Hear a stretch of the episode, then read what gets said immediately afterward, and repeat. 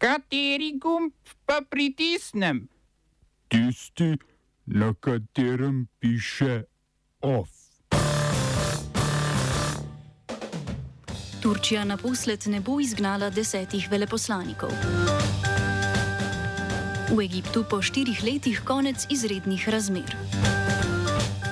Nekdani hrvaški predsednik Ivo Sanader v primeru Ina Mul obsojen na šest let zapora. Varjenje piva Union se najkasneje do konca leta seli v Laško.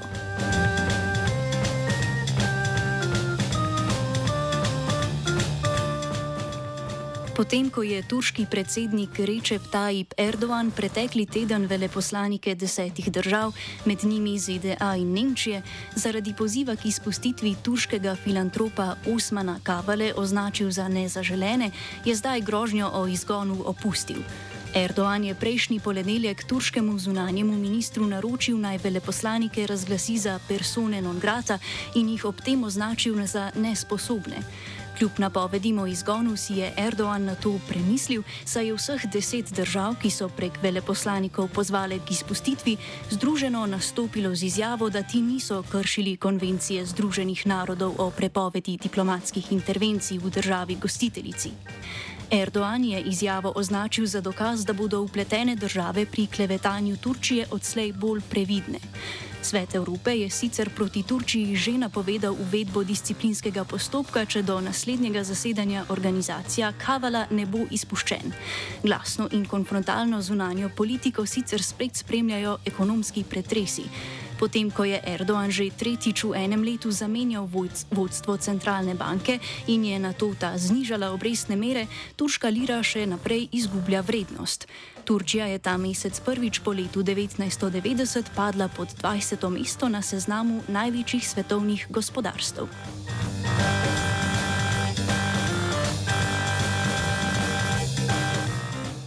Avstralski premijer Scott Morrison je slab teden pred začetkom podnebne konference Združenih narodov v Glasgowu predstavil vladni načrt o dosegi podnebne neutralnosti do leta 2050. Načrt z imenom Avstralski način predvideva, da bodo podnebno neutralnost dosegli z vlaganjem v nove tehnologije in nizkocenovno sončno energijo. Ob predstavitvi načrta je Morrison vnovič povdaril, da bo avstralski zeleni prehod potekal po načelu tehnologija in ne obdavčitev. Podrobnosti načrta, kot tudi njegove izvedbe, še niso znane, saj je avstralska vlada zavrnila opozicijsko pobudo o javni objavi načrta, zaradi tega pa je opozicija načrt označila za pamflet.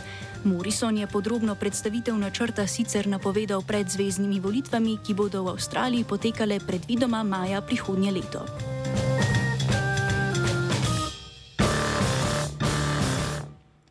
V Egiptu so po štirih letih prenehale veljati izredne razmere.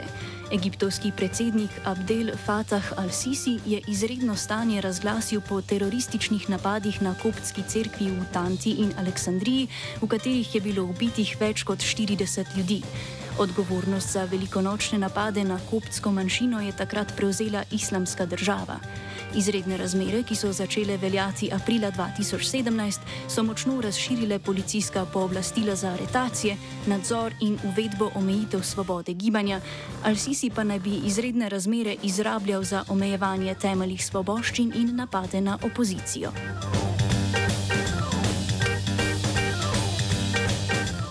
Što južnije, to tužnije. V sosednjem Sudanu so od se odvijajo protesti proti vojski, ki je, kot smo poročali včeraj, pod vodstvom generala Abdela Fataha al-Burhana izvedla vojaški udar.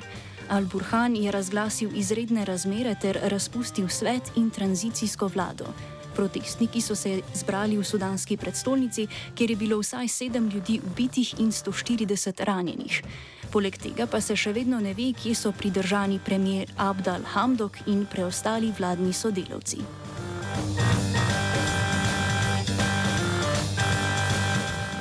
Namibijske oblasti so sporočile, da bodo prenehale cepljenje z ruskim cepivom Sputnik V, potem ko so v sosednji Južnoafriški republiki nadzorniki zdravil cepivu pripisali večje tveganje morebitve okužbe z virusom HIV za moške. Južnoafriška študija je namreč dognala, da so moški cepljeni s Sputnikom V bolj dovzetni za okužbo z virusom HIV.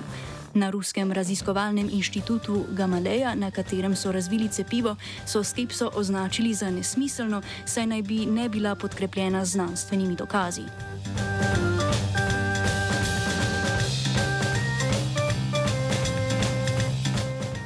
Izraelska vlada je objavila razpise za gradnjo 1355 novih domov za judovske naseljence na Zahodnem bregu. Gradilo se bo v sedmih naseljih, kjer je bila že avgusta napovedana gradnja 2000 stanovanj. Po mednarodnem pravu gre za ilegalne naselbine, saj so postavljene na območje, ki ga je Izrael zauzel leta 1967, poleg tega pa kršijo sporazum iz Osla. Izraelska vlada je podprla tudi predlog o večmiljardni investiciji za izboljšanje življenjskih razmer arabske manjšine v Izraelu, kar pa bo moral podpreti še Kneset. Poleg tega bo izraelska vlada dobrih 800 milijonov evrov namenila spoprijemanju z domnevno visokimi stopnjami kriminalne dejavnosti v arabskih četrtih. Predsednik koalicijske Združene arabske liste Mansur Abbas pa je ob potrditvi deja, predloga dejal, da omenjena investicija še zdaleč ne bo premustila strukturnih razlik med večinskim judovskim prebivalstvom in arabsko manjšino, ki si je Izrael za razliko od palestincev na zasedenih območjih še ni dokončno podjarmil.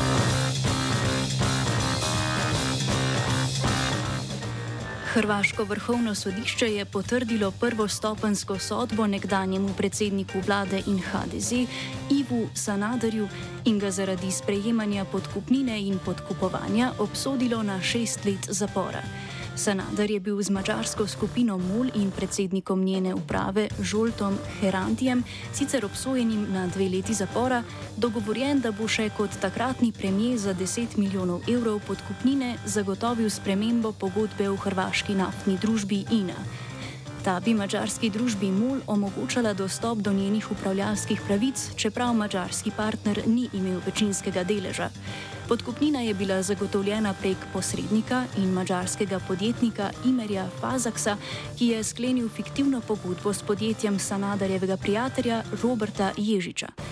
Sicer pa je Sanadar upleten v številke, številne korupcijske afere. Med drugim že prestaja šestletno zaporno kazen zaradi afere Planinka, Planinska in sedemletno zaradi afere Fimi Media. Nekaj afer še čaka na razplet, za vse skupaj pa bo Sanadarju en, izrečena enotna zaporna kazen. Oba, če, če bom odgovoril na angliški. Slovenija bo poskušala pomagati. Slovenija bo naredila naš utmost, da bo rekla, da je situacija naš problem, sami. In bomo naredili nadaljnje korake, as soon as the conditions are. Bomo vlado Marjana Cererera Šarca podprli. Very, very serious. News from Slovenia. We know how and we will. Po dnevi in po noči, lepiva si na toči, laški per.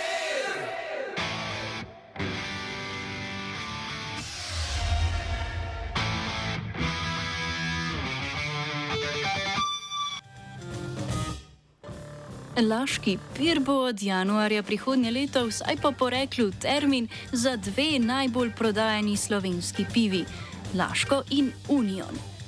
Nizozemska pivovarska multinacionalka Heineken je namreč sporočila, da proizvodnjo piva Union seli v Laško. Zaposleni v proizvodnih obratih na celovški in pivovarski so novico o selitvi proizvodnje prejeli že pretekli teden, odločitev o premestitvi varjenja pa je padla zaradi stroškovne racionalnosti proizvodnje in varnostnih tveganj. Več o tem pove vodja komuniciranja pri podjetju pivovarna Laško Union Alenka Ruzman. Hmm. V pivovarni Laško Union um, bomo morali proces varjenja piv blagovne znamke Union prenesti v našo pivovarno v Laškem. Ta težka odločitev je posledica preventivne neodvisne varnostne ocene našega 35 let starega hladilnega sistema v pivovarni Union, ki je pokazala, da ni več primeren za obratovanje in bi lahko v prihodnje predstavljal pomembno varnostno tveganje tako za naše zaposlene, kot tudi za naše sosede v Šiški. Zaradi tega moramo žal del proizvodnje, ki je vezan na ta hladilni sistem, ustaviti. Tako da bosta varjenje in fermentacija piva Union prenešena v našo pivovarno v Laškem, kjer pričakujemo, da se bo proizvodnja začela najkasneje januarja 2022. Vpliv prenosa dela proizvodnje na zaposlene še ni natančno določen. Selitev bo sicer vplivala le na pivovarske proizvode, proizvodnja brezalkoholnih pijač pod blagovnima znamkama Zala in Sola, kot tudi pakiranje piva Union, bosta ostala v Ljubljani. Novica o preselitvi proizvodnje je ljubitelje piva precej vznemirila. Pred proizvodnim obratom na celovški so jo maloštevilni protestniki pospremili z zlivanjem piva na tla.